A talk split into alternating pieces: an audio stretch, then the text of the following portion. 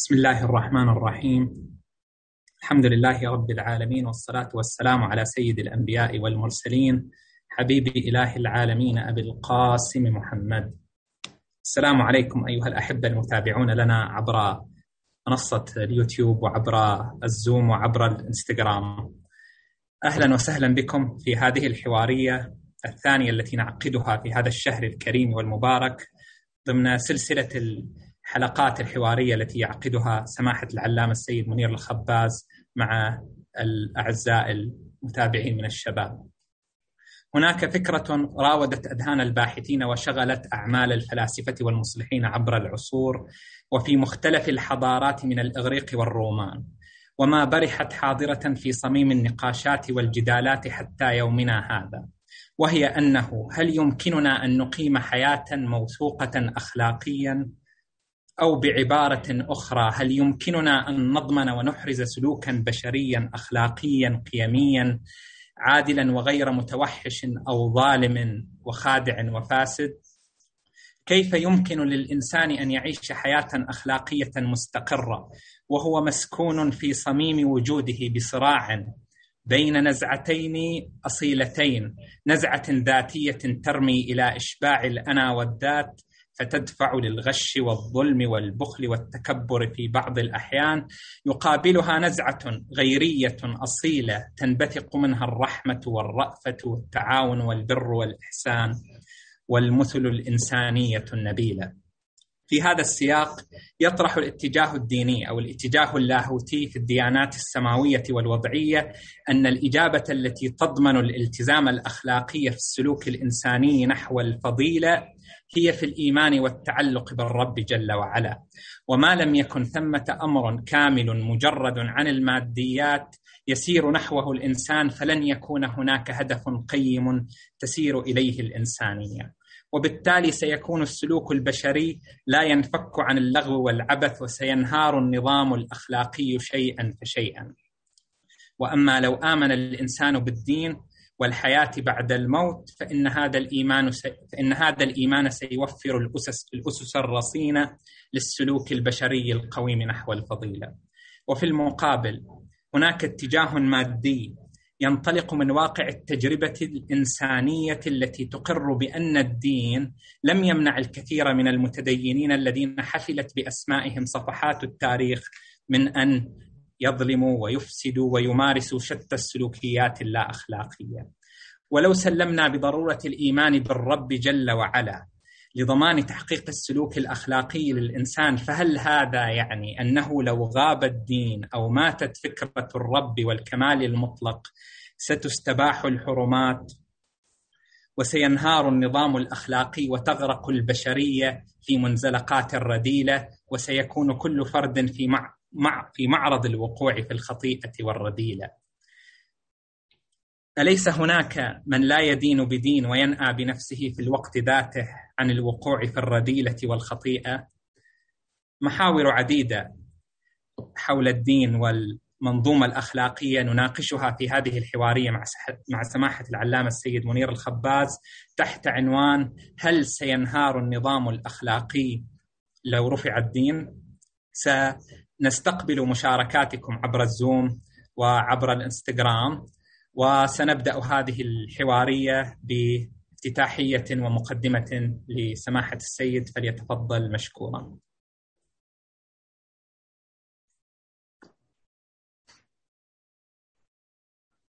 بسم الله الرحمن الرحيم. والصلاة والسلام على أشرف الأنبياء والمرسلين محمد وآله الطيبين الطاهرين. بسم الله الرحمن الرحيم. والكاظمين الغيظ والعافين عن الناس. والله يحب المحسنين. صدق الله العلي العظيم.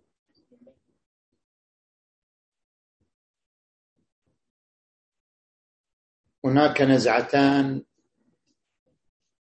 أصيلتان في شخصية كل إنسان وهما النزعة الذاتية والنزعة الغيرية. النزعة الذاتية هي تمظهر لغريزة حب الذات فإن كل إنسان يحب ذاته. ويحوم حول ذاته.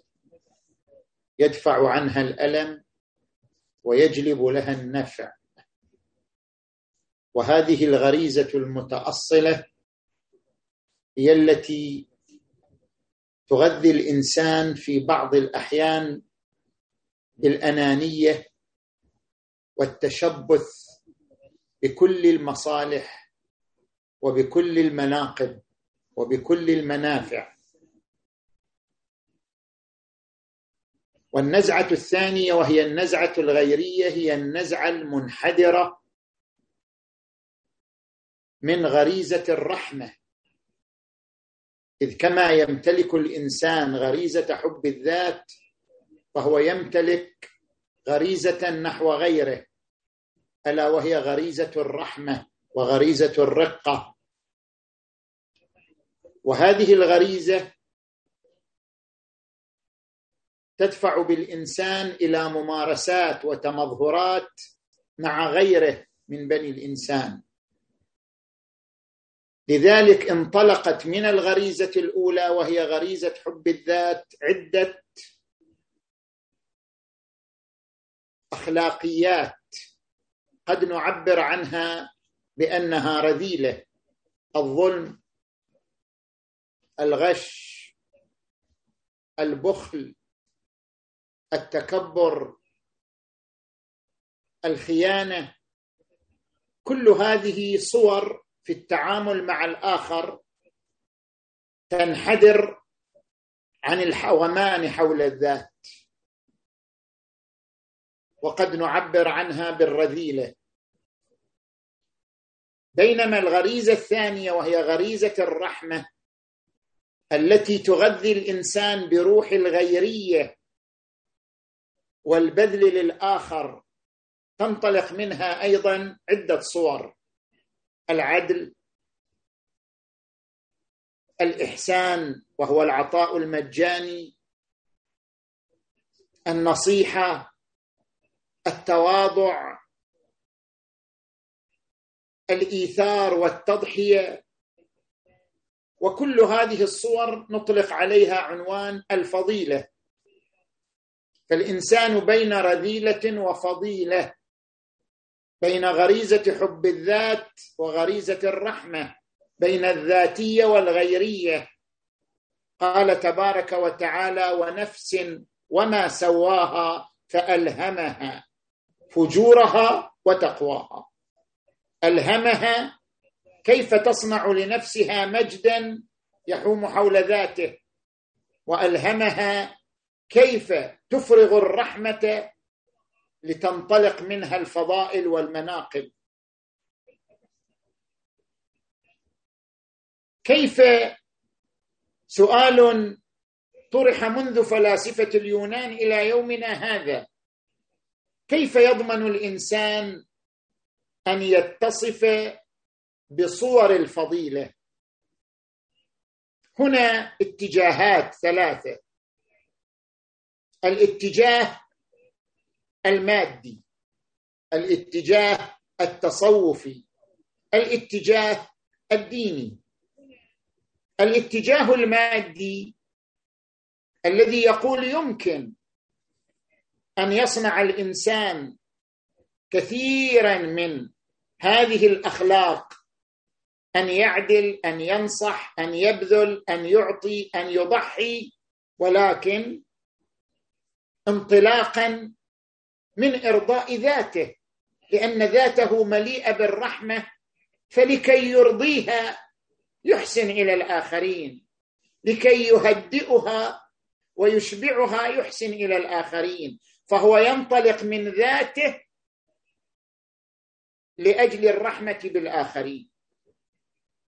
أو أن الإنسان يسعى للمجد لأن قيم الفضيلة إذا عرفت عن إنسان صار له مجد شهرة ولقب وذكر خالد كما ورد في الأشعار الجاهلية وغيرها فاصنع لنفسك قبل موتك ذكرها فالذكر للإنسان عمر ثاني.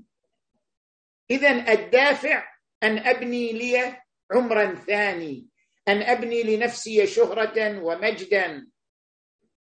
لأجل ذلك الاتجاه المادي ينطلق نحو الفضيلة تكريسا لغريزة حب الذات. يكرس غريزة حب الذات من خلال القيام بالفضيلة لأنه ينطلق من ذاته. يأتينا الاتجاه التصوفي معاكس للاتجاه المادي تماما 180 درجة. عندما يصر الاتجاه التصوفي أو قد يكون اتجاها عرفانيا لبعض علماء الإسلام على محو الذاتية على إنهاء غريزة حب الذات بأن يتنكر الإنسان لذاته. ويذيب نفسه لأجل غيره. ويتحول مجرد خادم وأداة للغير. بالتالي إذا تحرر من غريزة حب الذات استطاع أن يحقق الفضيلة اي يحقق الروح الغيرية باجل صورها وبأجل مظاهرها. ولكن هذا الاتجاه يصطدم تماما مع إنسانية الإنسان. إنسانية الإنسان بنيت على غريزة حب الذات. لا يمكن للإنسان أن يتحرر من غريزة متأصلة مقومة لإنسانيته وهي غريزة حب الذات. حتى الشهيد الذي يدخل المعركة ويبذل نفسه قربانا لمبادئه وقيمه هو ينطلق من غريزة حب الذات. لما؟ لأن الشهيد لولا أنه يرى أن الشهادة وسام وكمال لذاته لم يقدم عليها فهو بالنتيجة ينطلق من خلال ذاته إلى خدمة مبادئه وقيمه. لأجل ذلك نأتي إلى الاتجاه الثالث وهو الاتجاه الديني. الاتجاه الديني يرى أن الحل هو إيجاد التوازن بين الغريزتين غريزة الذاتية والغريزة الغيرية. غريزة حب الذات غريزة الرحمة بالغير. وإيجاد التوازن بين هاتين الغريزتين إنما يتم بالتوجه نحو المبدأ الأسمى. المعبر عنه بالكمال المطلق الذي نسميه الله. الاتجاه نحو الكمال الاسمى ويطعمون الطعام على حبه مسكينا ويتيما وأسيرا. إنما نطعمكم لوجه الله. لا نريد منكم جزاء ولا شكورا. الاتجاه نحو الكمال الاسمى هو ضمان خلق التوازن بين غريزة حب الذات وغريزة الرحمة بالغير لماذا؟ لأن الاتجاه نحو الله يحقق ثلاث ركائز ضرورية لشخصية الإنسان. الركيزة الأولى تحقيق الدافعية المستمرة نحو الأخلاق. كيف نضمن دافعية مستمرة نحو القيم الخلقية.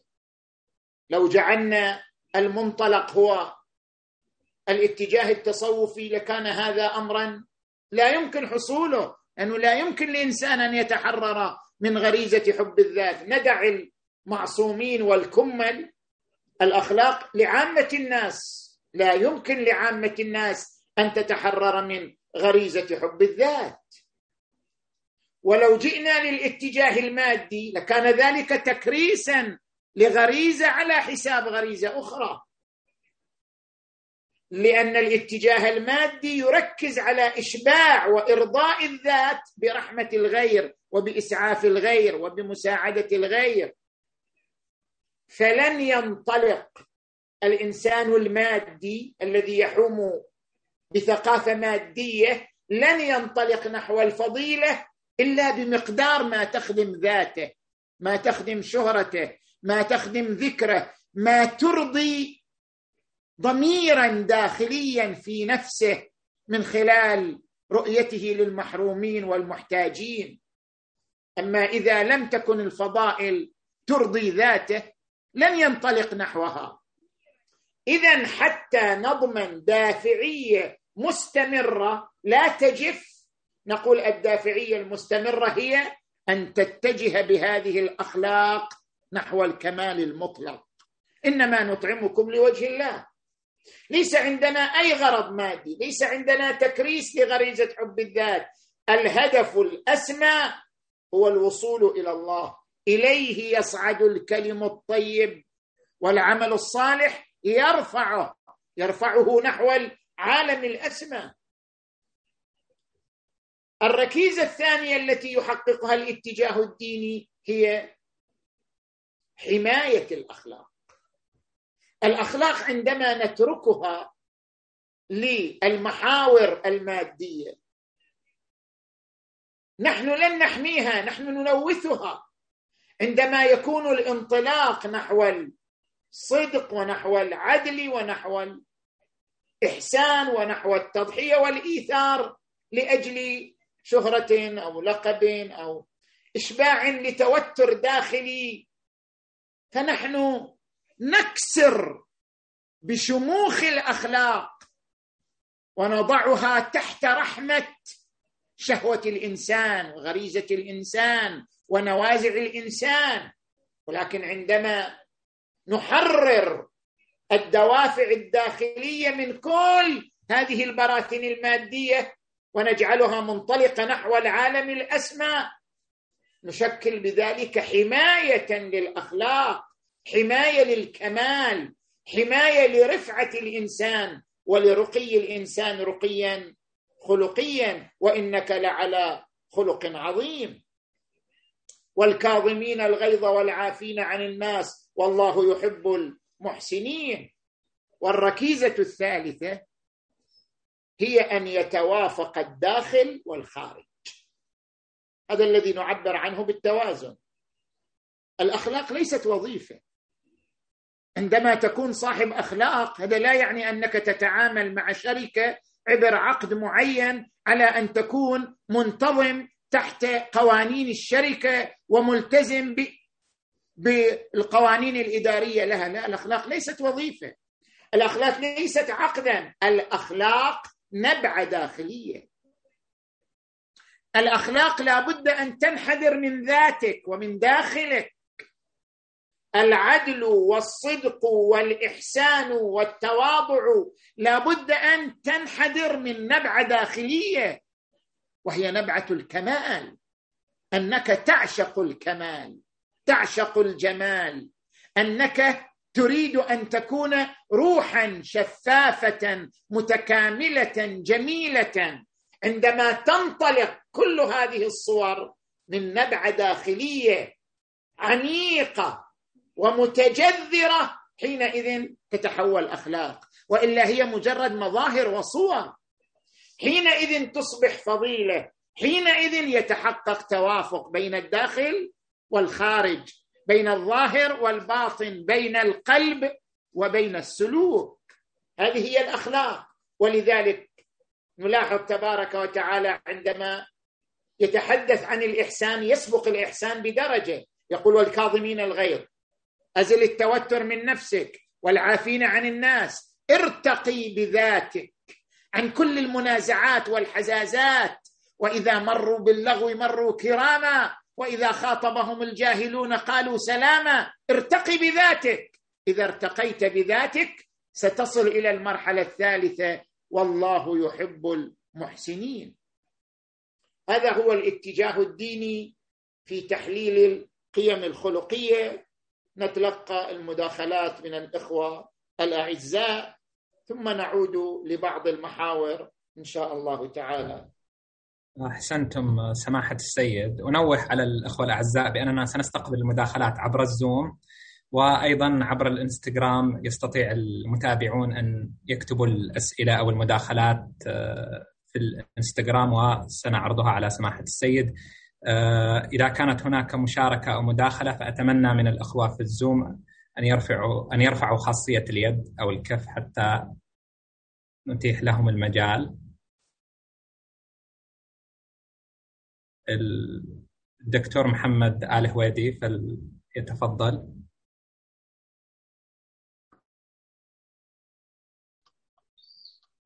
السلام عليكم ورحمة الله وبركاته. السلام عليكم جميعا. السلام عليكم سيدنا وشكرا لكم آه، يعني لهذا المحفل. طبعا أكثر الناس موجودون على اليوتيوب على فكرة. فلو يا حبذا تأخذون يعني أيضا أسئلة من يوتيوب إذا في أحد يقدر يوصلها لكم. أنا طبعا عندي مداخلة وعندي سؤالين لسماحة السيد. طبعا أنا عندي تعليق هو أن التخلي عن الدين قد يكون أكبر خطر يحدق بالبشرية. القضية ليست سهلة كما يتصورها البعض وقد تكون خطوة بلا رجعة مما يجعلها أخطر أصلا. طبعا نحن كلنا عايشنا وعاصرنا النظام الشيوعي الذي فرض الإلحاد على شعب الاتحاد السوفيتي ماذا حدث؟ انهارت البلد برمتها وتقسمت وأصابها العجز الاقتصادي. بعدها عاد الناس للدين وبقوة. الدين شيء فطري ومن الصعب أن يعيش الفرد السوي بلا دين أو عقيدة أو فلسفة معينة. ليس علينا أن نتخلى عن الدين. أو, نت... أو نهتم بتصحيحه. لأن هذا الدين رفع أمة. لولا هذا الدين ما عرف عنهم أحد أي شيء. هذا الدين بنى حضارات. وكان الأسبق للعلم والمعرفة. المشكلة ليست مع الدين. المشكلة في تصور الدين. سواء من كثير من المؤسسات الدينية بمختلف أديانها ومذاهبها أو من الأتباع. الدين, الدين ذلك الشيء الذي دعا له محمد بن عبد الله عليه أفضل الصلاة والسلام والذي طبقه الإمام علي عليه السلام. هل من أحد يستطيع أن يمضي كما مضى الإمام علي؟ هذا سؤال علينا أن نجيب عليه. كذلك لماذا تراجعت الأمة الإسلامية وهي, وهي أكثر الناس تمسكا بالدين؟ هل هناك خلل؟ علينا أن ندرسه ونفحصه ونعينه ونعينه. والأهم من ذلك أن نعترف به. حينها نستطيع أن ننطلق. أما المكابرة ومحاولة فرض الماضي على الحاضر فإنها لن تفي بالغرض ولن تفيد. وذلك لأن الدنيا أصبحت قرية واحدة وكذلك أضحت هناك خيارات متعددة أمام الشباب. الذي يريد ليس فقط أن يشبع فطرته الدينية ولكن لأن يرقى بفكره ويرى له مكانا مناسبا في هذه الدنيا. وإن لم يعطى هذا الشاب الفرصة في أمته فلا نلوم أنه إن قرر أن يتخذ طريقا آخر. عندي سؤالين لو سمحتون طبعا آه، سؤالي هل سينهار الدين لو رفعت المؤسسات الدينية في أنحاء العالم قاطبة؟ لا نتكلم عن عن شيعة وسنة ومسلمون وغيرهم ف آه، يعني ماذا يعني ماذا سيحدث؟ السؤال الثالث الثاني هل الدين مرتبط بالمؤسسات والرجال أم بالفطرة؟ وشكرا لكم. آه، نشكر الدكتور على هذه المشاركة. آه، نأخذ سؤال آخر من الأسئلة التي وصلتنا مكتوبة آه، في نفس السياق هناك شبهة قد يطرحها البعض وهي أننا نرى في المجتمعات المتدينة في السلوكيات العملية هناك انهيار للقيم الأخلاقية. بينما في المجتمعات غير المتدينة الغربية رغم أنها لا تدين بالدين الإسلامي مثلا إلا أنها متمسكة بعدة قيم دينية فكيف نرفع هذه الشبهة؟ آه، وهل يمكن فرض التلازم بين الدين والأخلاق بحيث لو امتنع أحدهما امتنع الآخر؟ سماحة السيد آه، تفضلوا بالإجابة ونأخذ مداخلات ومشاركات أخرى لاحقا بعد الإجابة على هذه الأسئلة. نشكر الدكتور الهويدي على تعليقته ومداخلته المثمرة ونشكر السائل الذي تفضل بهذا السؤال حول الدين والقيم الأخلاقية. اولا هناك فرق بين الدين والمجتمعات المؤمنة بالدين. الدين منظومة فكرية قيمية عقائدية. هذه المنظومة تجلت في القرآن الكريم وفي السنة النبوية والمعصومية الصحيحة. وهذه المنظومة لا تعني أن المجتمعات المؤمنة بالدين هي مظهر لهذه المنظومة. قد لا تكون المجتمعات المؤمنة بالدين مجسدة لهذه المنظومة التي نعبر عنها بالدين.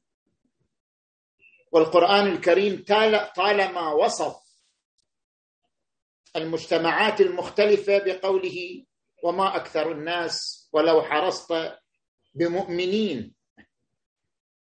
لذلك ينبغي أن عندما نطارح الدين أو عندما نريد أن نعرف أين موقع الدين في الفلسفات القيمية المختلفة فلنقرأ المنظومة. لا أن نقرأ الدين من خلال المجتمعات التي آمنت بالدين ولكنها لم تجسد الدين في سلوكها ولم تجسد الدين في أعمالها. نحن عندما نلحظ نسبة الطاعات لنترك القيم الأخلاقية حتى الطاعات الالتزام بالواجبات ترك المحرمات نسبتها ربما عشرة بالمئة في المجتمعات المؤمنة بالدين وهي تكاليف سماوية كذلك نسبة التحلي بالقيم الأخلاقية في المجتمعات المؤمنة بالدين نسبة ضعيفة فلا تعكس الدين. كل ذلك لطغيان الروح الأنانية على الروح الغيرية. وهذا ما أشارت إليه الآية المباركة التي قرأناها.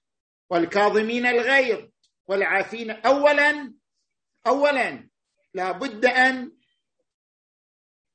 تتضاءل الروح الذاتية والكاظمين الغيظ. يعني لا بد أن تزيل التوتر من داخلك حتى لا تطغى الروح الأنانية على سلوكك. لابد أن تقوم بهذه الخطوة اولا. والكاظمين الغيظ هدئ ارفع التوتر ارفع الروح الأنانية بعدين انطلق نحو الأخلاق. والكاظمين الغيظ بعدين تجي والعافين عن الناس ثم تصل إلى مستوى الكمال. والله يحب المحسنين. اذا لا ينبغي الخلط بين المجتمعات المؤمنة بالدين وبين الدين في مجال المطارحة وفي مجال المناقشة. عندما نأتي إلى كثير من أبناء المجتمعات الغربية ونجده صورة ناصعة من الأخلاق. وليس مسلما أو ليس متدينا عبارة أخرى بدين ولكنه صورة حسنة صادق منتظم متواضع خدوم للآخرين. هذا عاش الدين خلقا وإن لم يعش الدين فكرا. هذا عاش الدين خلقا وإن لم يعش الدين عقيدة.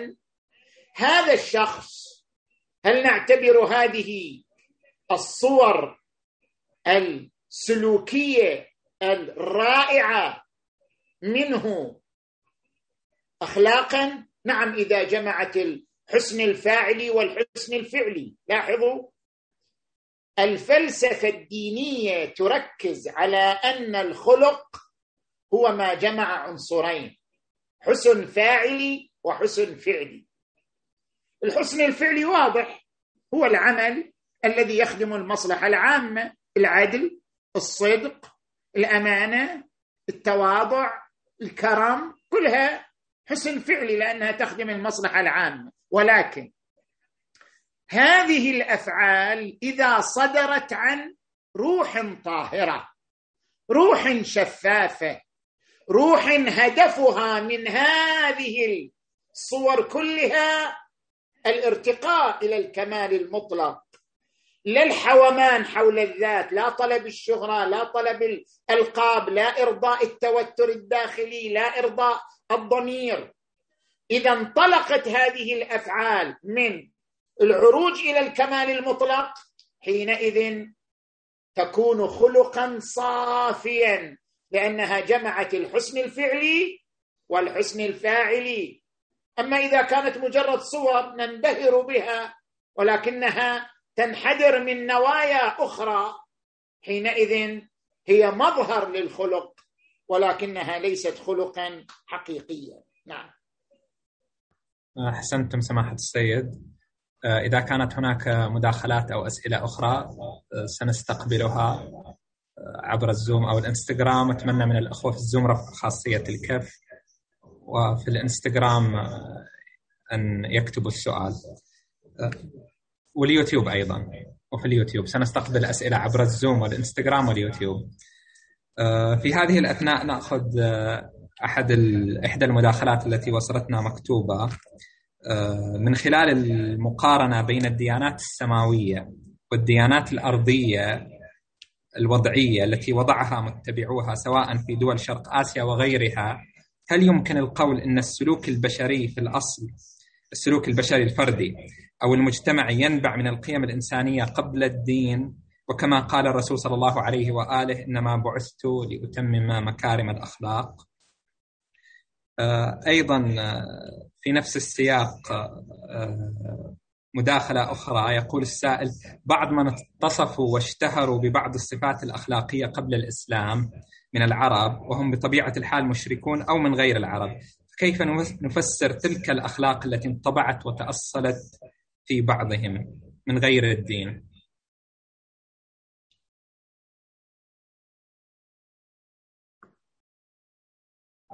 تفضل اسمح الأسئلة الجيدة. أريد أن أؤكد على نقطة قبل أن أجيب. كثير من ال... أو بعض الباحثين بصورة أدق يرى أن القيم التي تنادي بها الديانة البوذية أو الديانة الكونفوشية أنها قيم وضعية إنسانية لا ربط لها بالسماء. ولكن هذا ليس دقيقا.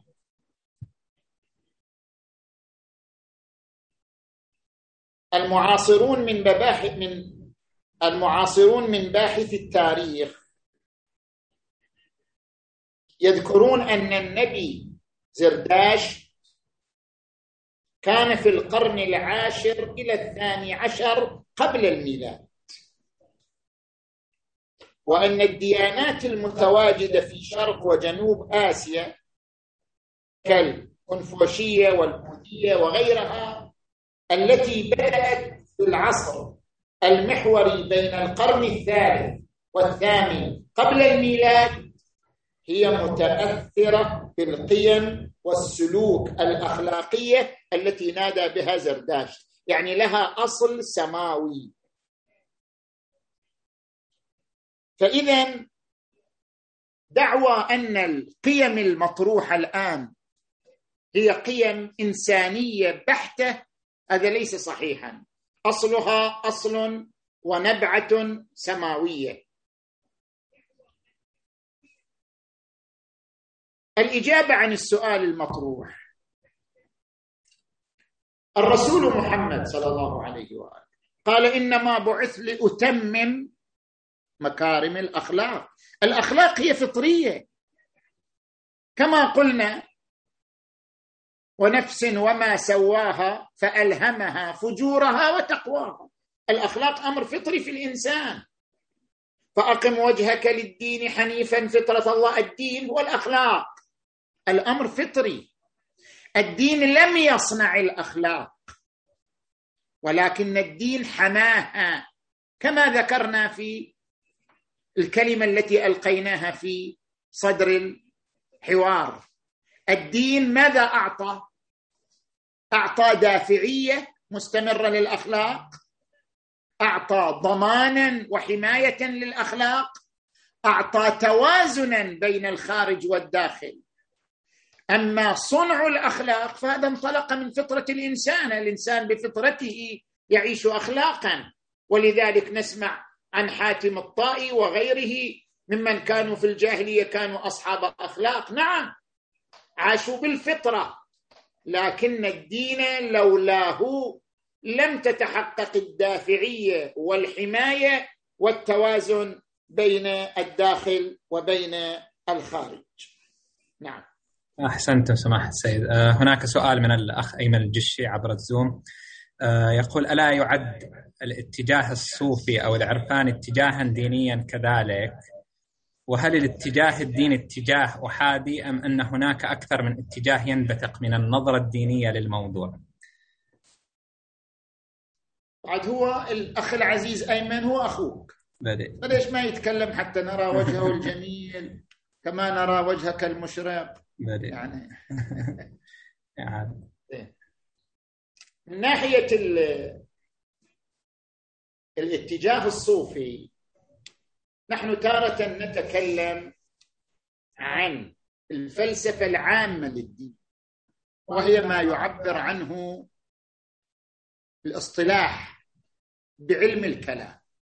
يعني الفلسفة العامة للدين التي تنبع من ظواهر التراث الديني في القرآن والسنة.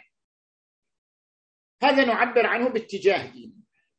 وتارة نتحدث عن بعض المدارس التي لها نظرة خاصة في فلسفة الأخلاق في تحليل الأخلاق. السيد صاحب الميزان الطباطبائي له نظرة خاصة نحن ما طرحناها. هو يقول كل الأخلاق ترجع إلى التوحيد.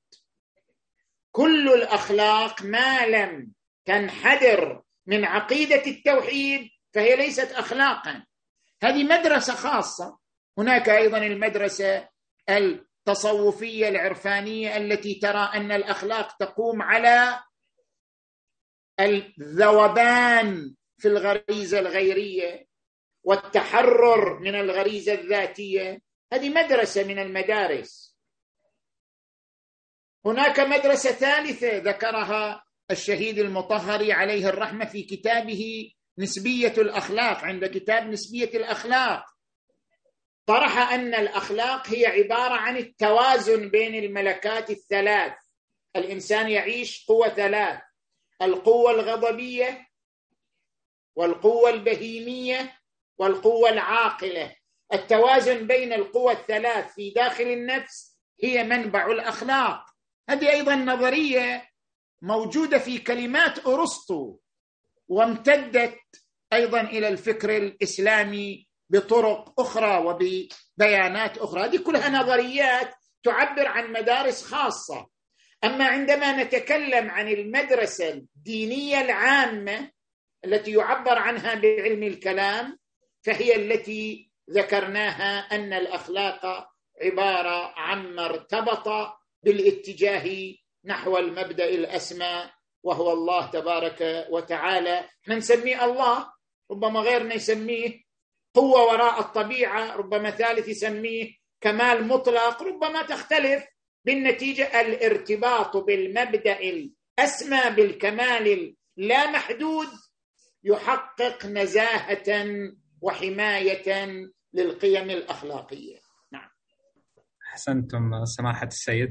هناك سؤال وصلنا عبر اليوتيوب. هل الدين ساعد على تخلفنا ومن انتشار الفقر والدمار والعدالة؟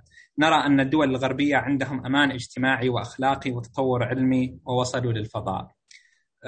سؤال آخر أيضا أو هي مداخلة من الأستاذ الباحث علي الطريحي أنقلها بالنيابة عنه. لأنه غير متواجد على الزوم. من أهم الأمور التي يركز عليها في الغرب هي القيم الإنسانية ومن المغالطات التي تطرح هي أنه ليس هناك حاجة للدين لكي تطبق هذه القيم بل الدين لم يأتي بكثير منها فليس هناك حاجة للإنسان بأن يكون متدينا لكي يطبق هذه القيم وتكون له المرشد في حياته فنرى أن الذين لا يؤمنون بدين أيضا لديهم قيم سامية وقوانين إنسانية ومن أبرزها الإعلان العالمي لحقوق الإنسان. ومن الجهة الأخرى نرى أن الدين يستخدم لشن حروب وسلب حقوق الإنسان لمواطنين يعيشون تحت نظام ديني. وأيضا على المستوى الفردي ينتقد البعض دور الدين في تحجيم حرية الإنسان وكون الدين لا يتماشى مع التطور الذي حدث وما يزال يحدث في العالم. فهنا التساؤل عن دور الدين في رسم القيم الأخلاقية والمبادئ السليمة في حياتنا المعاصرة. تفضل سماحه السيد. آه، نشكر الأخ صاحب السؤال الأول على مداخلته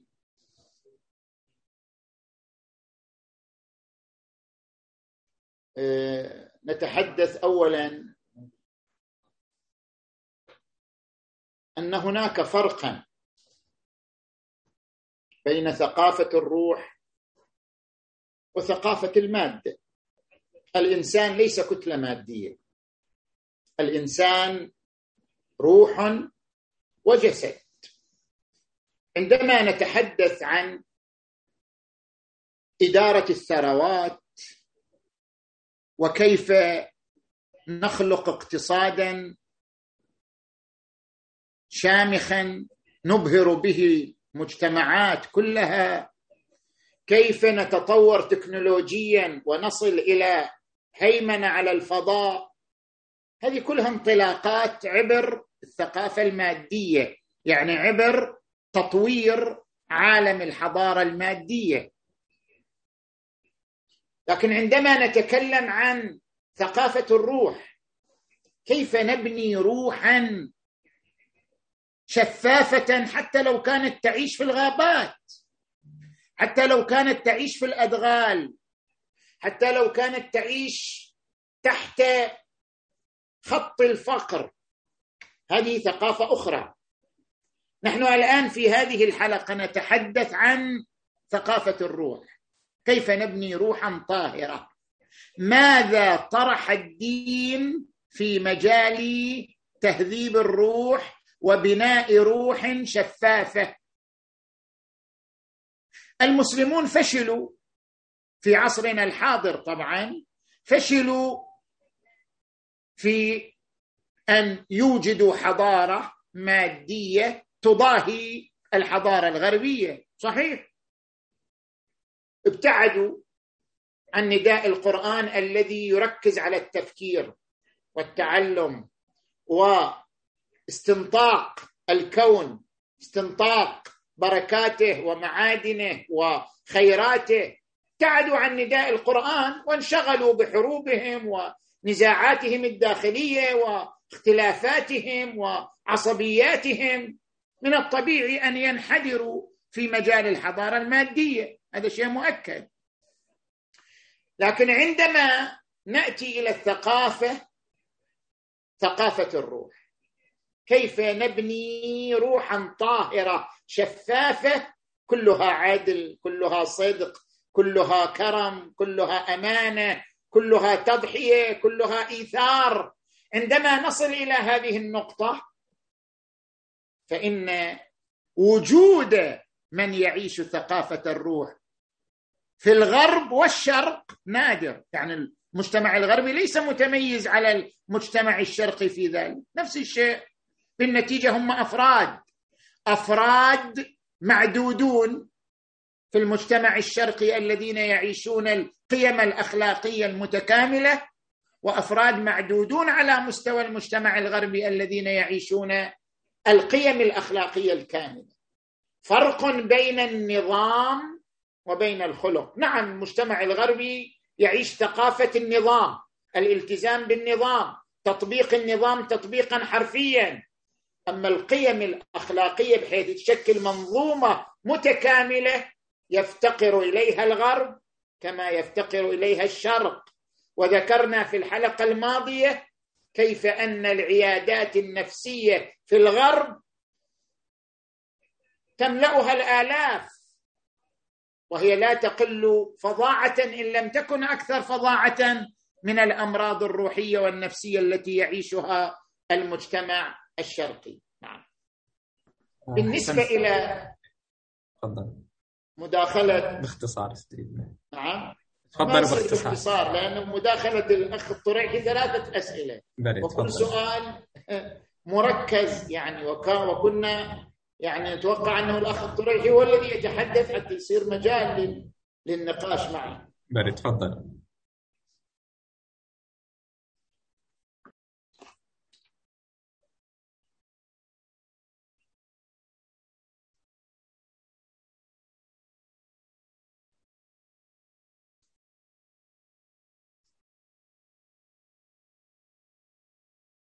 النقطة الأولى التي أشار إليها الأستاذ الطريحي من هولندا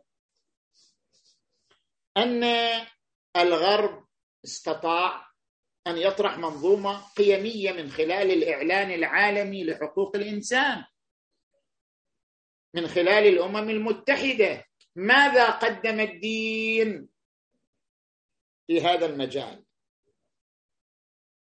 عندما نلاحظ لائحة حقوق الإنسان الذي قدمتها الأمم المتحدة ولائحة حقوق الإنسان الذي قد التي قدمتها رسالة الحقوق للإمام زين العابدين الذي سبق إعلان الأمم المتحدة للحقوق قبل 1400 سنة.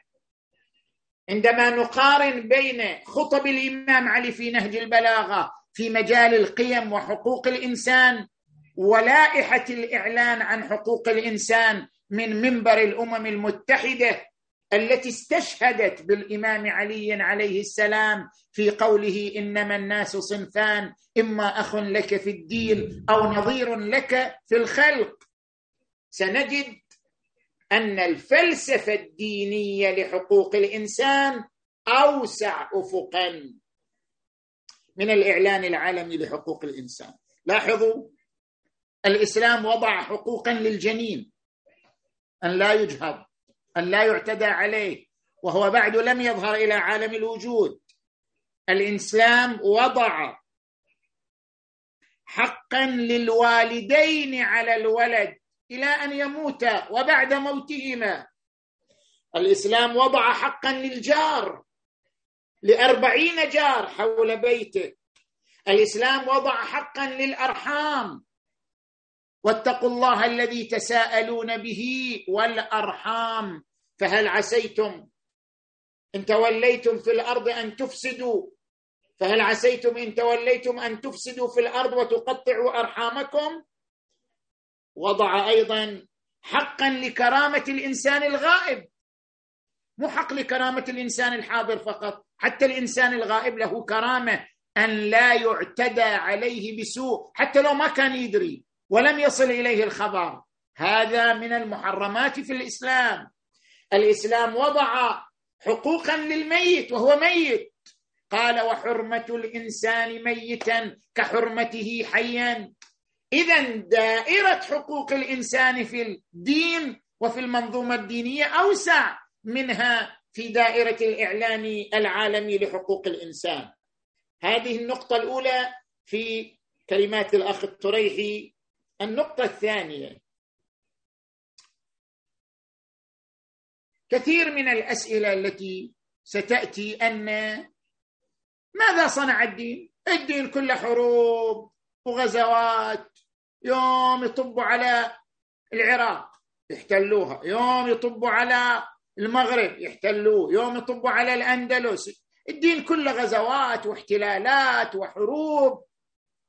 الدين منشأ للنزاعات البينية والحروب المختلفة. هل هذا يتلائم مع الأخلاق؟ لاحظوا اولا الدين منع استغلال الشعوب وفرض الإرادة والراية الدينية على الشعوب قهرا. لاحظوا القرآن الكريم عندما يتحدث عن الجهاد؟ يتحدث القرآن عن الجهاد بمنطلق دفاع لا بمنطلق غزو لا بمنطلق هجوم.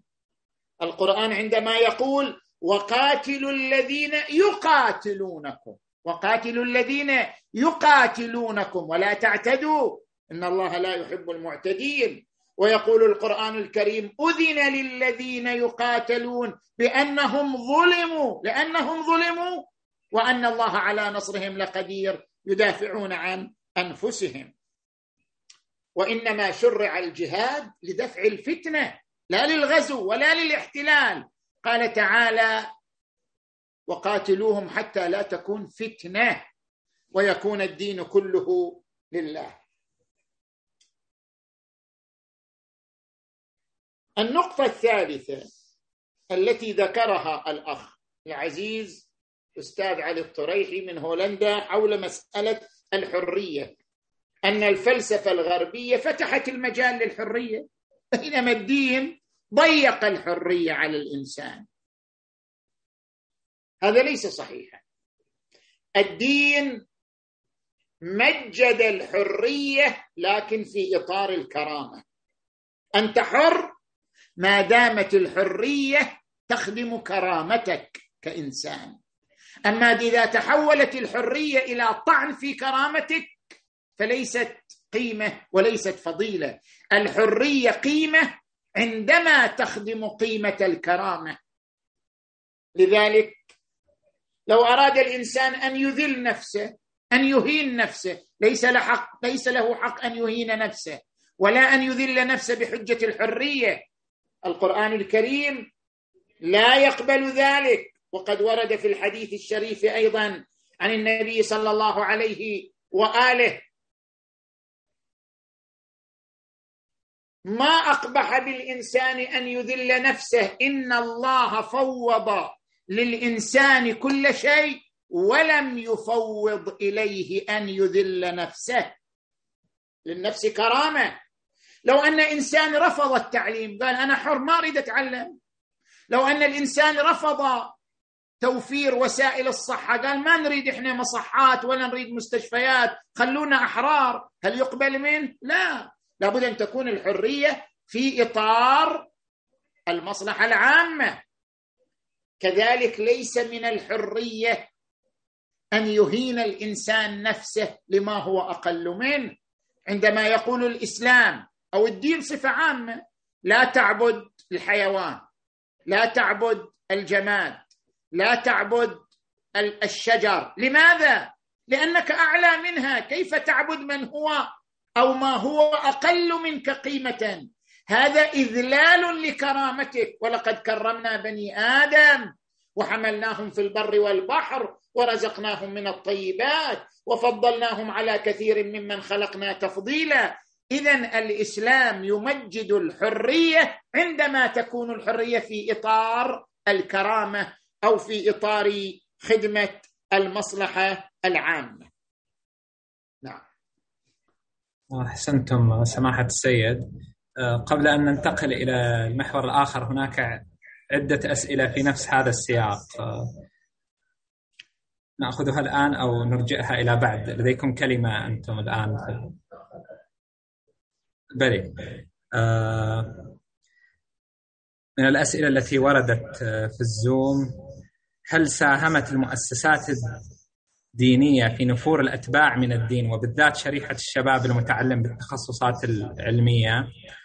آه، وسؤال آخر أيضا من المتسبب في هذه العصبيات التي تحدثتم عنها؟ الناس أنفسهم أم من يتبعون؟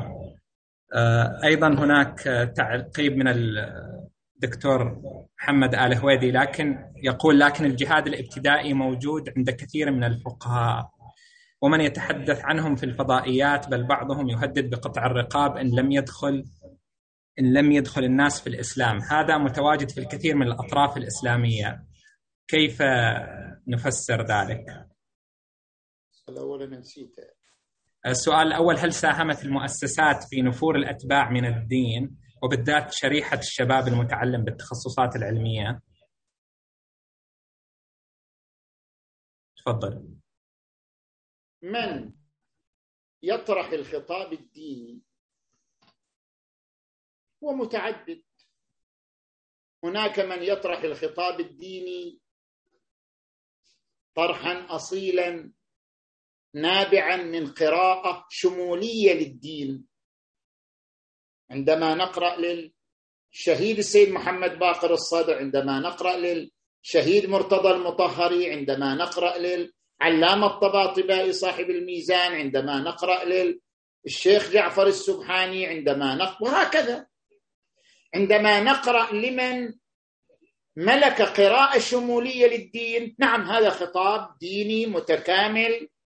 انطلق من فهم فلسفة الدين إلى الربط بينها وبين الواقع المعاصر. خلق مواكبة بين الفكر الديني والتراث الديني وبين الواقع المعاصر المتجدد. نعم هناك من يمتلك خطاب ديني في بعض الفضائيات أو في بعض المنابر ويطرح طرحا آخر مثلا ربما يكون سببا لنفور بعض الشباب من الدين. هذا أمر لا ننكره هذا واقع. ولكن هذا لا يعفينا من المسؤولية أن نركز على الخطاب الديني الجذاب على الخطاب الديني الواعي على الخطاب الديني المستند للبرهان والدليل على الخطاب الديني المواكب لثقافة العصر والذي يبعث روحا حيوية في تلقي المستمع لهذه الأفكار الدينية المختلفة. السؤال الثاني كان آه، عن الجهاد الابتدائي سيدنا. هذا الثالث. هذا الثالث. الثاني من المتسبب في هذه العصبيات؟ الناس أنفسهم أم من يتبعون؟ بالنتيجة هذا يتبع هذا يعني من ذكرتم تعرضتم له. بالنتيجة من يتبعون هم مراجع أعلام أتقياء آه، كتبهم منشورة ومعروفة وهي كتب جديرة بالقراءة تعكس الدين يعني بصورة صافية واضحة. أما من يتصدى للخطاب الديني هم عبر المنابر أو عبر الفضائيات فهم ينقسمون إلى قسمين كما ذكرنا وبالتالي قد ينفر البعض من بعض الخطابات أو من بعض آه، الأطروحات. نعم هذا سبب هذا لا نستطيع أن ننكره. هذا سبب للبعد والإعراض والنفور من الدين. مسألة الجهاد الابتدائي. مسألة طرحها الشهير المطهري و السيد محمد باقر الصدر ويمكن لأي باحث أن يقرأ ما طرحه الشهيد المطهري في كتابه حول الجهاد واعتبر آيات الجهاد طبعا قرأها بشكل كامل نسميه تفسير موضوعي بمقابل التفسير التجسيدي أن نقرأ كل آية مستقلة عن الآية الأخرى. قرأها قراءة متكاملة قراءة شمولية خرج منها بفلسفة أن بذره الجهاد هي الدفاع عن الشعوب الإنسانية الدفاع عن الفضيلة الدفاع عن القيم المضطهدة والمكبوتة وليس الجهاد غزوا ولا احتلالا ويمكن المراجعة إلى ذلك. طبعا هذه القراءة التي نحن آه نتبناها وأيضا نقيم الشواهد عليها في بعض المحاضرات في موقع شبكة المنير. نعم. أحسنتم سماحة السيد. اذا آه، نكتفي بهذا المقدار في هذا المحور وننتقل لمحور آخر فلكم سيدنا الكلمة. على أن تكون في حدود الربع ساعة يعني. كحد أقصى. أي. أقل تمام.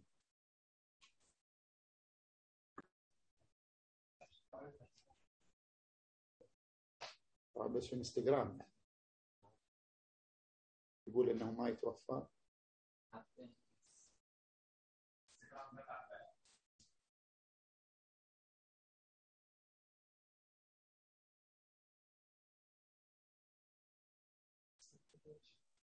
نعم.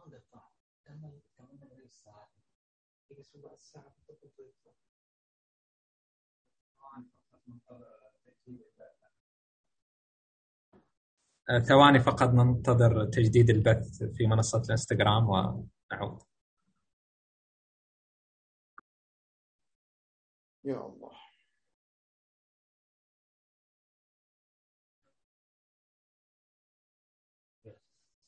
جاء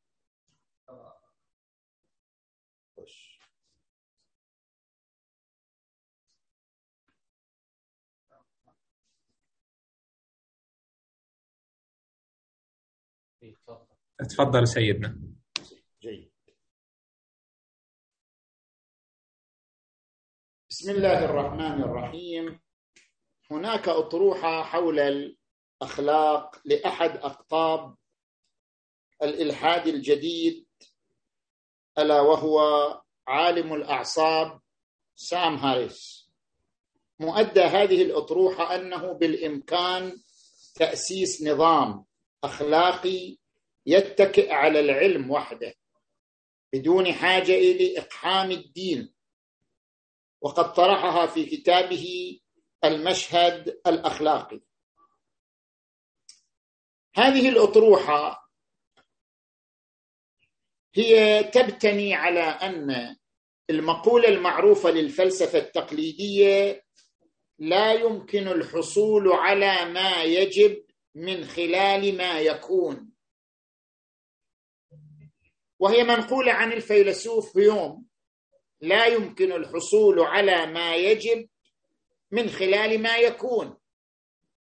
لابد أن نؤسس إلى نظام أخلاقي وإلا لن نحصل على ما يجب من خلال ما يكون.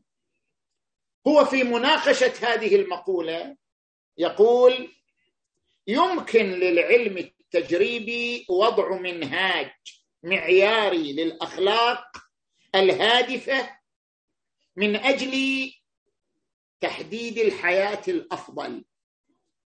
بلا حاجة إلى الفلسفة الدينية ولا غيرها. وذلك من خلال زاويتين. بعض البشر يعيشون حياة أفضل من غيرهم لأن وسائل الرفاه المادي متوفرة لديهم.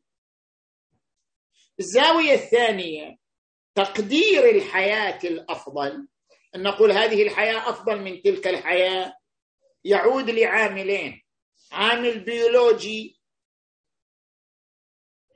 وعامل اجتماعي. العامل البيولوجي هناك منطقة في الدماغ دماغ كل إنسان تحدد له الحياة الأفضل ما ينبغي عليه أن يكون في حياته.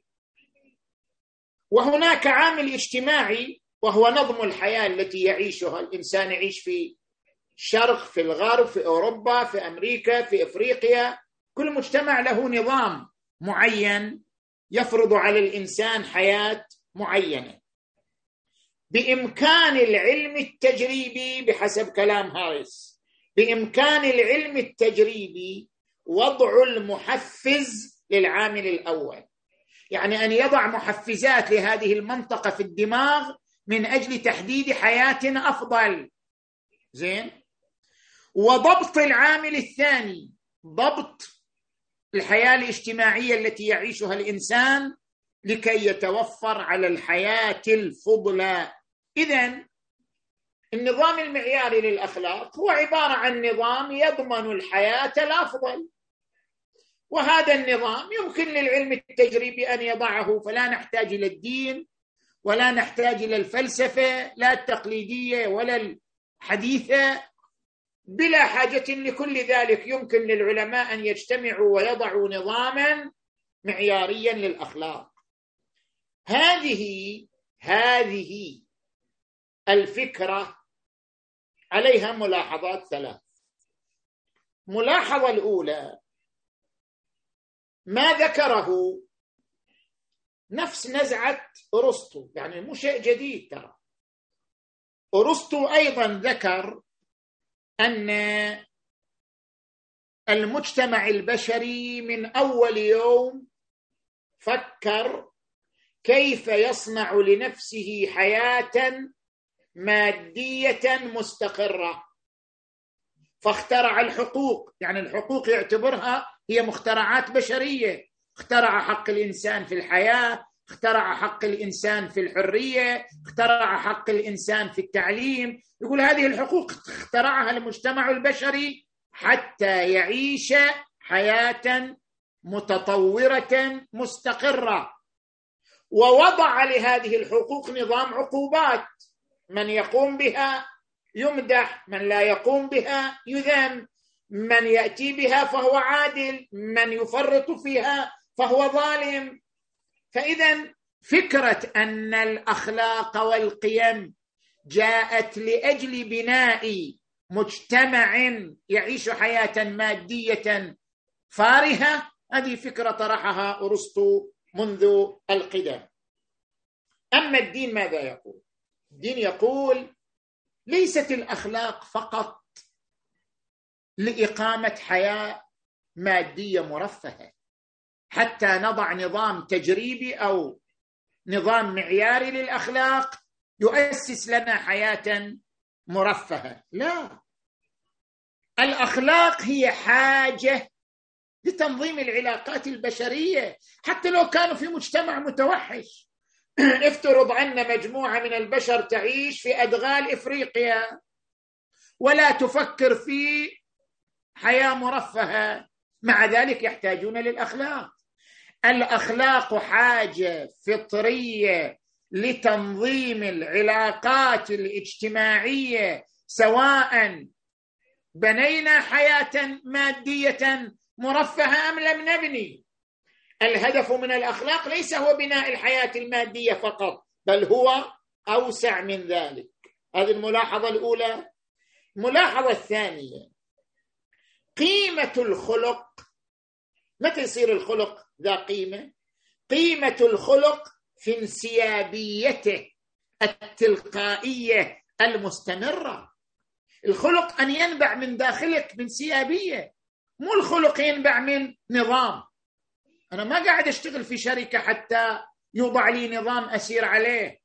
العلم التجريبي حينما يؤسس الأخلاق على ضوء نظام يخرج الأخلاق عن انسيابيتها التلقائية وانحدارها من روح طاهرة شفافة. ربنا اغفر لنا ولإخواننا الذين سبقونا بالإيمان ولا تجعل في قلوبنا غلا للذين آمنوا. هذا منبع الأخلاق الروح الطاهرة الشفافة.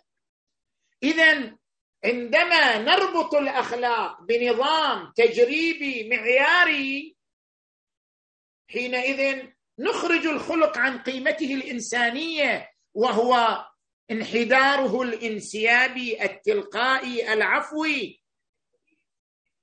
فالقواعد المعيارية ما لم تؤصل إلى النزعة الغيرية في الإنسان في إطار التوازن بينها وبين النزعة الذاتية لن تكون خلقا فاضلا جذابا.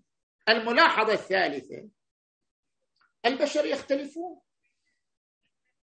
إذا أوكلنا القيم الأخلاقية إلى تجارب علمية يقوم بها علماء الاجتماع علماء النفس يضعون نظم معيارية لكل مجتمع والبشر يختلفون. في نزعاتهم في رغباتهم في تصوراتهم في مقاييسهم للحياة الفضلى. سوف لن يكون لنا نظام خلقي إنساني. وإنما نظم تختلف باختلاف المجتمعات والأفراد والرغبات. وهذا يعني خروج الأخلاق عن مسيرتها الفطرية وتحولها إلى عادات وتقاليد تختلف باختلاف المجتمعات.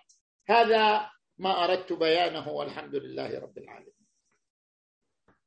أه، أحسنتم سماحة السيد. أه، نرجع إلى الأسئلة والمداخلات. أرجو من الأخوة الأعزاء في اليوتيوب والإنستغرام والزوم أن يبعثوا بأسئلتهم وفي الزوم سنتيح المجال للأعزاء بالمداخلة. هناك مشاركة من الأستاذ الباحث حسن راشد من كندا فإذا كان متاحا الآن فليتفضل.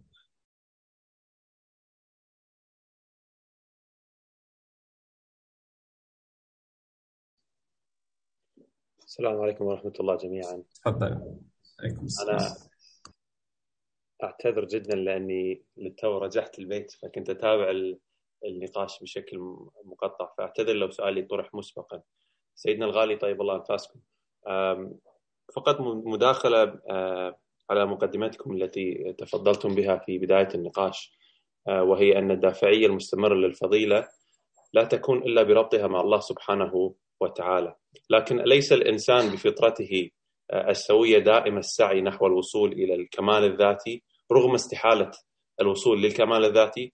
ولكن هذا السعي دؤوب يولد غريزة طبيعية لا نهائية داخل الإنسان نحو الاستمرار في التكامل وبسعيه إلى ذلك تكون نزعة الإنسان نحو الفضيلة بشكل تصاعدي دون نهاية.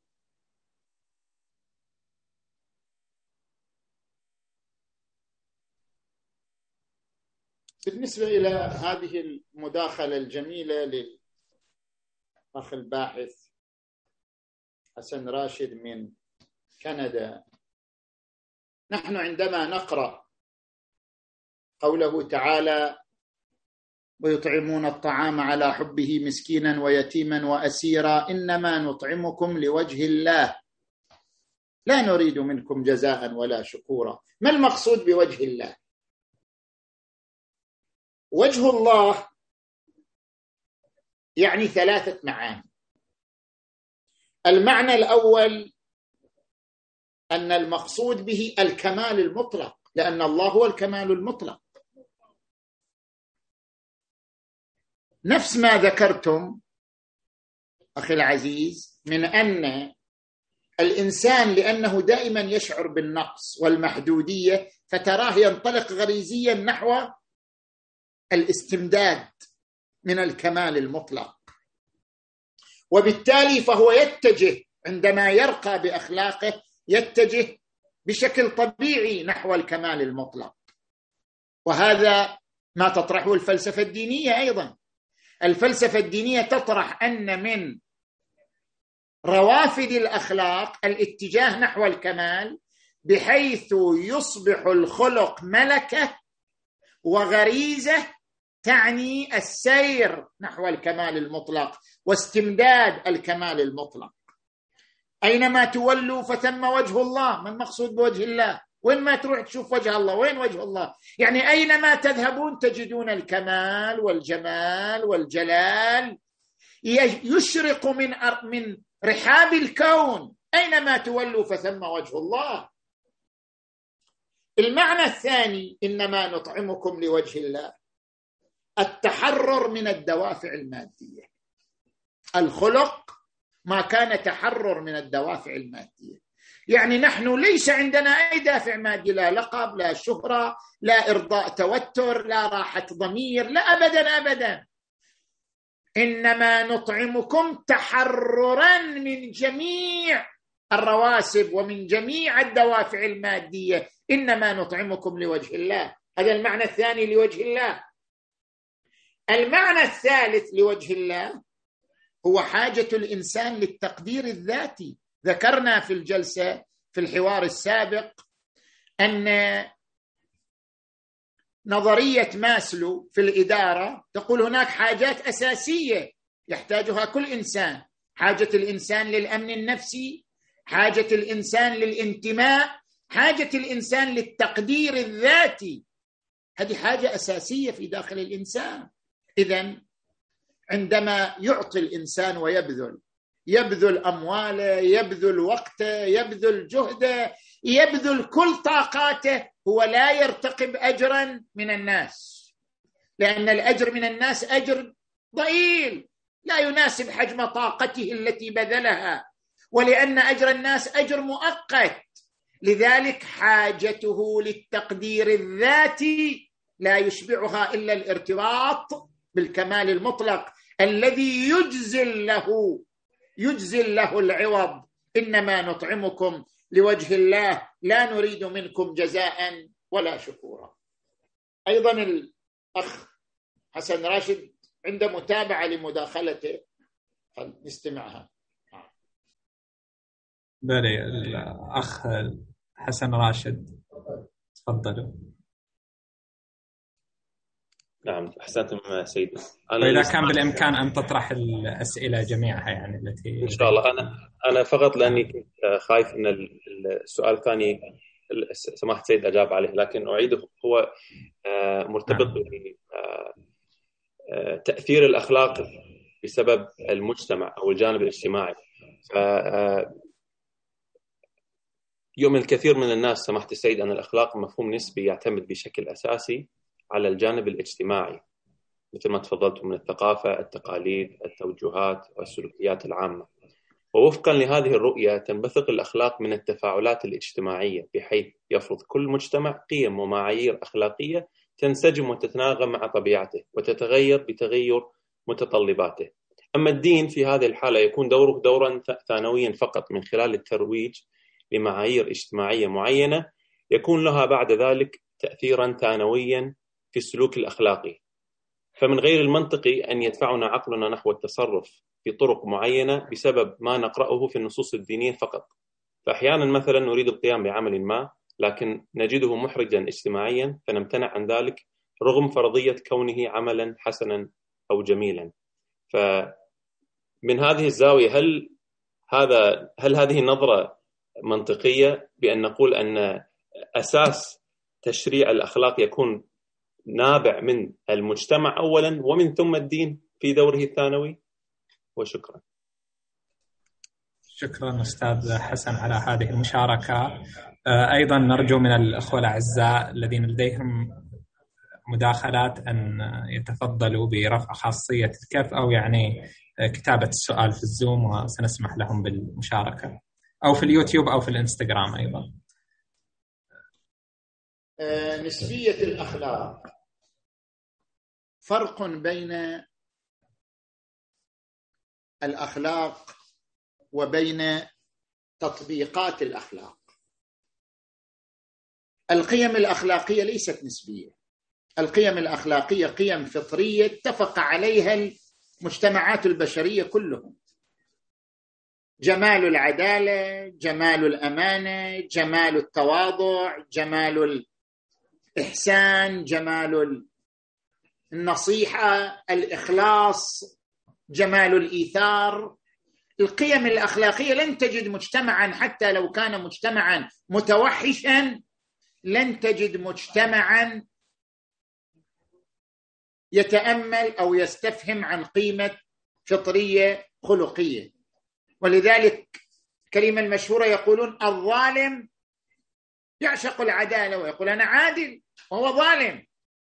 اذا القيم الخلقية قيم فطرية وليست نسبية. أين تأتي النسبية؟ تأتي النسبية في ثلاثة موارد. المورد الأول النسبية في الآداب. الآداب غير الأخلاق. الآداب يعني العادات والتقاليد. ورد عن الإمام علي عليه السلام لا تقصروا أبناءكم على آدابكم. ما قال لا تقصروا أبناءكم على أخلاقكم. الاخلاق ما تتغير. لا تقصروا أبناءكم على آدابكم فإنهم خلقوا لزمان غير زمانكم. الآداب تتغير. العادات تتغير بتغير الأزمنة. هنا تأتي النسبية. ما يكون حسنا عند مجتمع قبيح عند مجتمع آخر. هذه أمور آداب وليست أخلاق. هناك مجتمع يفضل مثلا المصافحة باليد. هناك مجتمع يفضل التحية عن بعد. هناك مجتمع وهكذا. هذه آداب وليست من الأخلاق. المورد الثاني النسبية في التطبيقات. يعني مثلا كل المجتمعات البشرية اتفقت على أن للإنسان حق الحياة. هذا متفق عليه. أما تطبيق حق الحياة هل للإنسان أن ينتحر ويهدر حقه في الحياة؟ بعض المجتمعات تراه نعم ممكن. بينما الرؤية الدينية تقول لا ليس له من حقه الانتحار.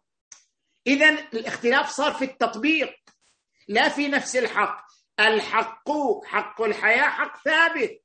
إنما حدود الحق وتطبيقاته تختلف. فتأتي النسبية من خلال الاختلاف في التطبيق وليس من حيث الاختلاف في أصل القيمة وجذر القيمة الخلقية.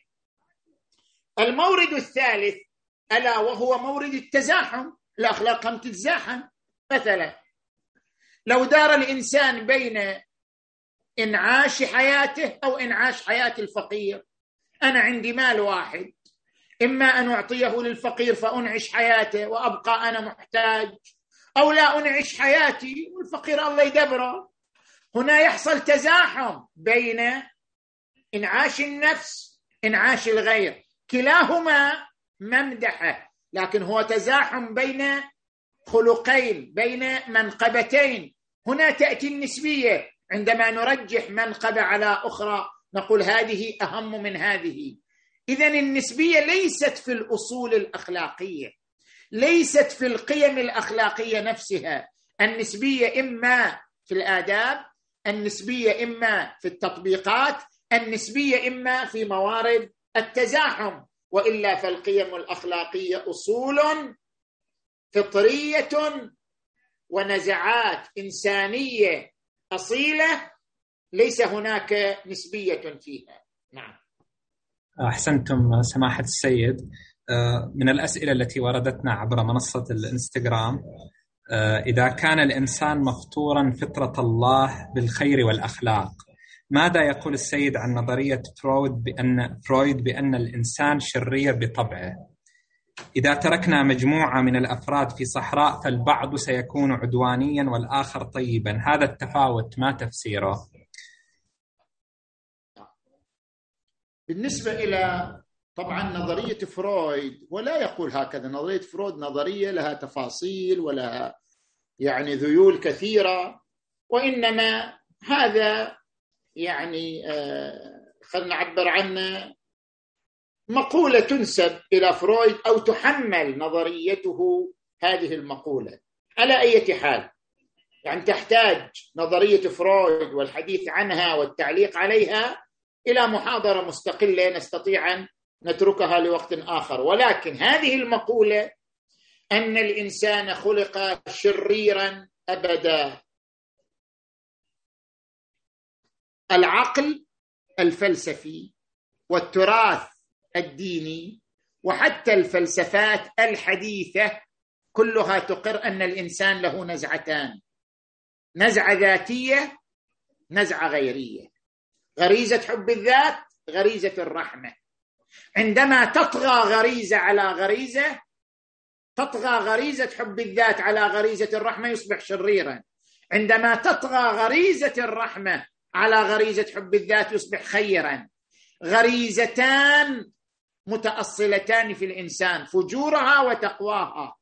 التوازن بين الغريزتين هو الذي يؤسس له الاتجاه الديني كما شرحنا في صدر الحوار وبينا ذلك. نعم. أحسنتم آه، سماحة السيد. من الأسئلة التي وردتنا آه، يرى المفكر الهولندي سبينوزا أن الخلاص والنجاة يوم القيامة هو بالتركيز على الجانب الأخلاقي والعملي وجعلها أساس العلاقة بين أفراد أبناء البشر. لذا علينا الابتعاد عن المذهبية الدينية لأنها سبب الطائفية وجر للخصومات بين أتباع الديانات والطوائف المتخالفة فكريا. فالحل حسب وجهة نظره ترك الاعتقادات الدينية والفكرية لأنها سبب للطائفية التي قسمت الناس وتركت لنا الدماء والاختلافات المقيتة. تفضلوا سماحه السيد. نعم. إذا كانت هناك طبعا أي أسئلة قبل يعني بقي علينا في حدود الخمس إلى عشر دقائق فإذا كانت هناك أي مداخلات أو تعليقات نرجو من الأخوة يعني سواء على الزوم أو اليوتيوب أو إنستغرام ارسالها أو طلب المشاركه في الزوم. تفضل سماحه سيد. في ما طرحه سبينوزا نذكر إجابتين الإجابة الأولى الدين طرح كرامة الإنسان بما هو إنسان القرآن الكريم يقول ولقد كرمنا بني آدم. هو إنسان له كرامة. بما هو إنسان له كرامة. ويقول القرآن الكريم إن الله يأمر بالعدل والإحسان. ما قال بالعدل مع المسلمين والإحسان للمؤمنين. لا. مع الكل. إن الله يأمر بالعدل والإحسان. القرآن الكريم عندما يدعونا للتعامل مع من يختلف معنا دينيا. ماذا يقول؟ لا ينهاكم الله عن الذين لم يقاتلوكم في الدين ولم يخرجوكم من دياركم. أن تبروهم وتقسطوا إليهم. تتعامل مع شخص مختلف معك دينيا. وكانوا مشركين في زمان الرسول. والدين يقول القرآن يقول تعاملوا معهم بالبر والقسط. وهم مشركون أصلا. لا ينهاكم الله عن الذين لم يقاتلوكم في الدين ولم يخرجوكم من دياركم أن تبروهم وتقسطوا إليهم. انه إن الله يحب المقسطين. إنما ينهاكم الله عن الذين قاتلوكم في الدين وأخرجوكم من دياركم وظاهروا على إخراجكم أن تولوهم. اذا الإنسان المسالم له حق عليك أن تعامله بالكرامة بالخلق الحسن بالخلق الفاضل أن تبروهم وتقسطوا إليهم. لأنه إنسان مسالم. فالدين ليس مثارا للعصبيات. ولا للنزاعات الطائفية ولا للنزاعات البينية حتى نقول بأنه لنلغي كل الأديان والمذاهب حتى يعيش الناس صفاء في الأخلاق. الدين يدعو لتكريس كرامة الإنسان. هذا هذه الإجابة الأولى. الإجابة الثانية هناك فرق بين الجانب التشريعي وبين الجانب الخلقي. في دين وفي شريعة. الان قاعد تتحدث عن الشريعة. الشريعة كما يقول القرآن الكريم لكل جعلنا منكم شرعة ومنهاجا. شريعة شيء والدين كقيمة خلقية شيء آخر. يعني فرق بين وجوب الصيام وبين حسن الأمانة.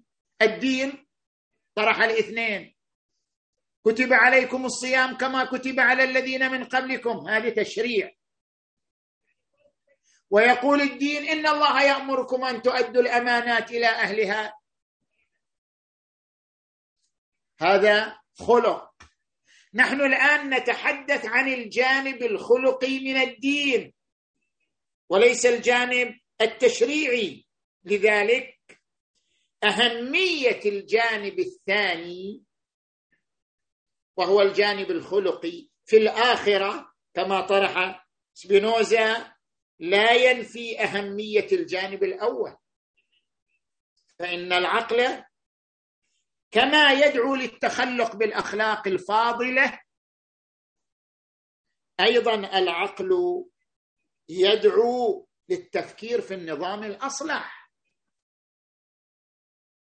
العقل كما يأمرك بالسير على طبق الأخلاق الفاضلة يدعوك العقل لأن تبحث عن النظام الأصلح الذي تبرمج به حياتك وسلوكك.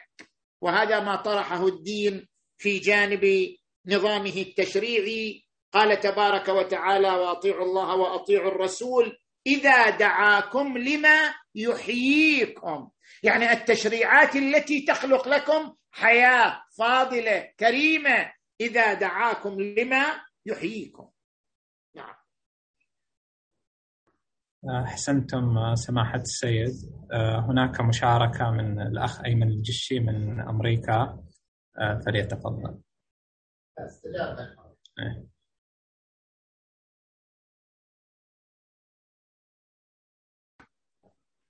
السلام عليكم. آه، الصوت واضح؟ آه، عندي سؤال سريع. آه، فرق سماحة السيد بين الأخلاق والآداب وذكر أن الأخلاق ثابتة والآداب يمكن أن تتغير بتغير الزمان والمكان وذكر مثال مس اليد.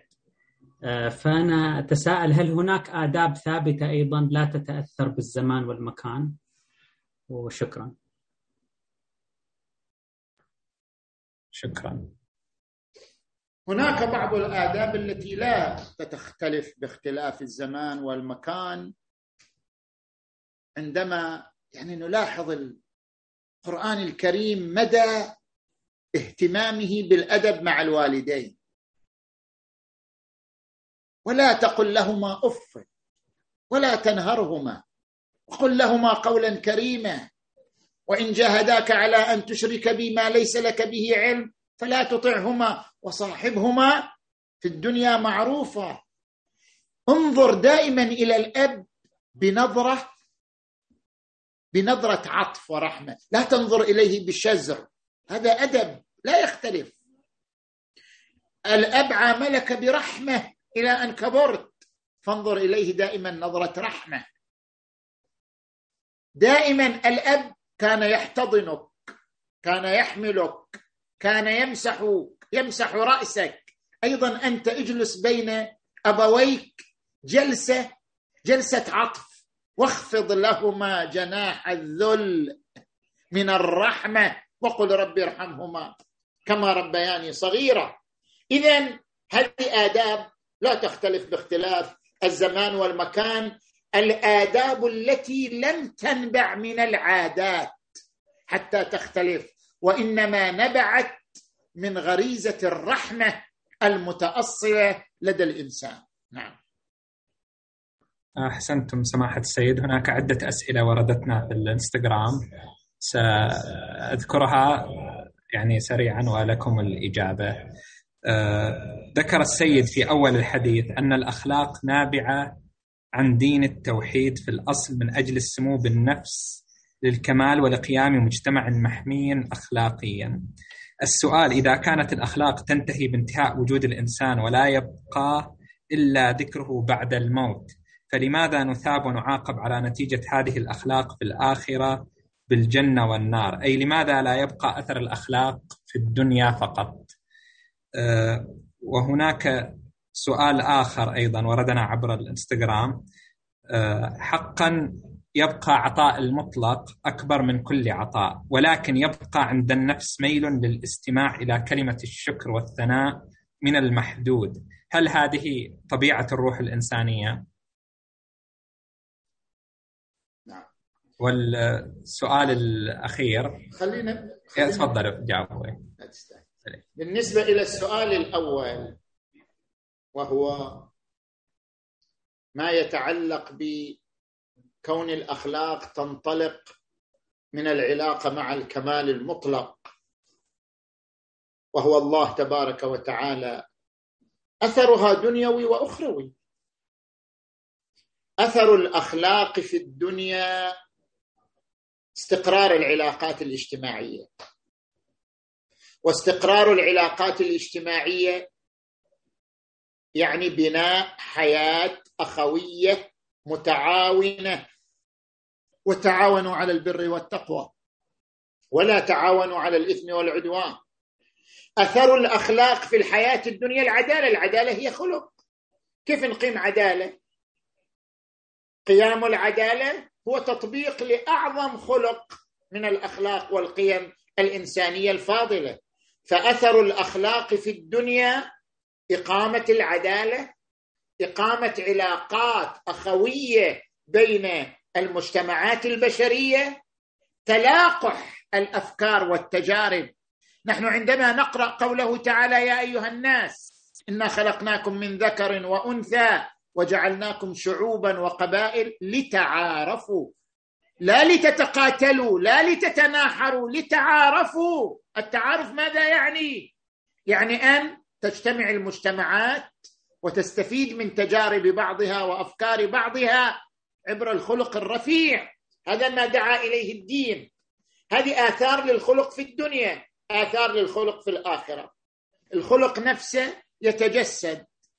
ومن يعمل؟ فمن يعمل؟ مثقال ذرة خيرا يره يوم تجد كل نفس ما عملت من خير محضرا. وما عملت من سوء تود بينها تود لو أن بينها وبينه امدا بعيدا. كل الأخلاق ستتجسد يوم القيامة من خلال الراحة من خلال التكامل. لن يدخل الجنة حقود لن يدخل الجنة بغيض. ربنا اغفر لنا ولإخواننا الذين سبقونا بالإيمان ولا تجعل في قلوبنا غلا للذين آمنوا. طهارة الروح ستنعكس في الآخرة إلى طهارة في التعامل بين أبناء الجنة فأثر الأخلاق دنيوي وأخروي. أما السؤال الثاني فكان عن؟ عن حاجة الإنسان إلى التقدير وكلمات الشكر حاجة الإنسان إلى التقدير طبيعية طبعا. يحتاج الإنسان إلى أن يشكر يحتاج الإنسان إلى أن يسمع كلمة ثناء كمحفز له على مواصلة دربه ومواصلة خطاه في مجال الإبداع والإنتاج. هذا من الطبيعي حاجة الإنسان إلى التقدير ولكن عندما يقوم الإنسان بأعمال مجانية كالعطاء كالخدمات كبذل الوقت ولا يلقى أي ثناء ولا أي شكر من المجتمع كيف نعالج حالة الإحباط عنده؟ حتى لا تحصل له حالة الإحباط نقول الخلق مرتبط بالكمال المطلق هو الذي يعوضك عن كل هذه الحاجة. إنما أجري على الله إنما نطعمكم لوجه الله. قل لا أسألكم عليه اجرا إلا المودة في القربى. نعم. أحسنتم سماحة السيد. آه، هناك سؤال أخير قبل أن نختم. آه، يقول السائل القرآن ذم الإنسان في آيات كثيرة. قال عز وجل وكان الإنسان عجولا وقال أيضا إن الإنسان لظلوم كفار وقال قتل الإنسان ما أكفره وقال وكان الإنسان أكثر شيء جدلا وقال أيضا يا أيها الإنسان ما غرك بربك الكريم وقال أيضا وإذا أنعمنا على الإنسان أعرض ونأى بجانبه فكيف تنسجم هذه الآيات مع القول بأن الإنسان مفطور على الفضاء على فضائل الأخلاق؟ وقال أيضا ولقد كرمنا بني آدم. وقال أيضا إن الإنسان على نفسه بصيرة. وقال أيضا وقال أيضا في آيات كثيرة تمدح وتثني على الإنسان والكاظمين الغيظ والعافين عن الناس والله يحب المحسنين. وقال ومن الناس من يشري نفسه ابتغاء مرضات الله. وقال وقال. اذا الآيات على صنفين. صنف يعكس من سار على ضوء فطرته. وهو تغليب نزعته الغيرية على نزعته الذاتية. فأنتج الكاظمين الغيظ والعافين عن الناس. أنتج وإذا مروا باللغو مروا كراما وإذا خاطبهم الجاهلون قالوا سلاما. أنتج من قال في حقه فبما رحمة من الله لنت لهم ولو كنت فظا غليظ القلب لانفضوا من حولك وإنك لعلى خلق عظيم. وهناك صنف من الناس من آثر. فأما من طغى وآثر الحياة الدنيا. هناك صنف من الناس من طغت غريزة حب الذات على الغريزة الغيرية. فانتج انسانا عجولا إنسان ظلوم كفار إنسان مثلا آه مثلا خان الأمانة وهكذا. فالآيات على صنفين وتعكس صنفين من الناس في التعامل مع الوجدان الفطري. أحسنتم سماحة السيد. آه، يعني الوقت آه، ما يخدمنا. ف آه، هناك تعقيب من الدكتور محمد آل هويدي قبل أن نختف إذا أراد أن يلقيه آه، بشكل سريع. اقرا أنت اقرا أحسن مني. آه، تفضل. أقرأ. تفضل اقرأ الله يخليك. آه أنا أقرأ. إيه إيه، تمام. آه، سماحة السيد الصدر رضي الله عنه والشيخ المطهري والسيد الطباطبائي مثال ناصع لدرجة أنه لدرجة أنه يعشي العيون ولكن قليل من الناس قرأ لهم وتعرف عليهم. لا أظن بأن هؤلاء الثلاثة أو من نحى نحوهم من الفاضلين مثل الشيخ الوائلي وسماحة السيد منير حفظه الله يمثلون الشريحة العامة والتي يرفض بعضهم أطروحة هؤلاء الناصعين. مشكلة الفاضلين أنهم لا يريدون تقسيم الأمة لأنهم ملتزمون بنهج الإمام عليه السلام ولكن للطرف الآخر صوت أعلى ولا يتورع في أن يشوش على الناس ويتعمد تشويش الطرق الناصعة لمن ذكرناهم.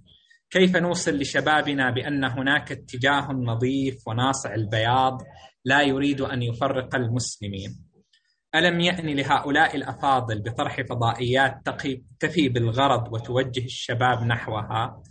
هناك قامات لا نستطيع أن نتجاوزها ولها باع طويل وبصمات لا يمكن محوها ولكن المشكلة تكمن في أن الكثير من الناس لا يميزون. أحسنتم. أحسنتم كثيرا. نحن نعول على وعي الجمهور الشبابي المتدين في التمييز بين خطاب وخطاب ولسان ولسان وأدب وأدب وبالتالي الوعي هو الذي يقود الإنسان لإجلال الخطاب الديني الذي يجذب الناس إلى الدين لأنه يركز على البرهان والاستدلال العقلي ويركز على القيم الناصعة ويركز على تأليف قلوب الناس ويبتعد عن الخطاب المضاد لمثل هذه الخطابات. نعم. أحسنتم سماحة السيد نكتفي بهذا المقدار في هذه الحوارية ونذكر الأخوة الأعزاء المتابعين بأن في الليلة القادمة سيكون هناك حوار آخر تحت عنوان هل مات الدين في عصر التكنولوجيا والعولمة؟ وسيكون هنا وسيكون هناك رابط سينشر عبر منصات شبكة المنير لاستقبال الأسئلة المسبقة آه، سيكون حوار كما ذكرت تحت عنوان هل مات الدين في عصر التكنولوجيا والعولمه آه، في ظل التقدم التقني والتكنولوجي حيث تكون كلمة الفصل الأولى والأخيرة ليست سوى للعلم هل لا زال الدين وجود في حياة الإنسان؟ ألم يقتل التقدم العلمي الأديان ويرسلها إلى قبورها؟ آه، ستكون هناك محاور عديدة ليلة الغد في تمام الساعة الحادية عشر. آه، يوم السبت يعني الرابع والعشرين من أبريل آه، ستكون الحلقة آه، وسنستقبل الأسئلة عبر اليوتيوب وعبر الإنستغرام وعبر الرابط الذي سيتم مشاركته عبر منصات المنير. نشكركم على هذا التفاعل وعلى هذا الإصغاء.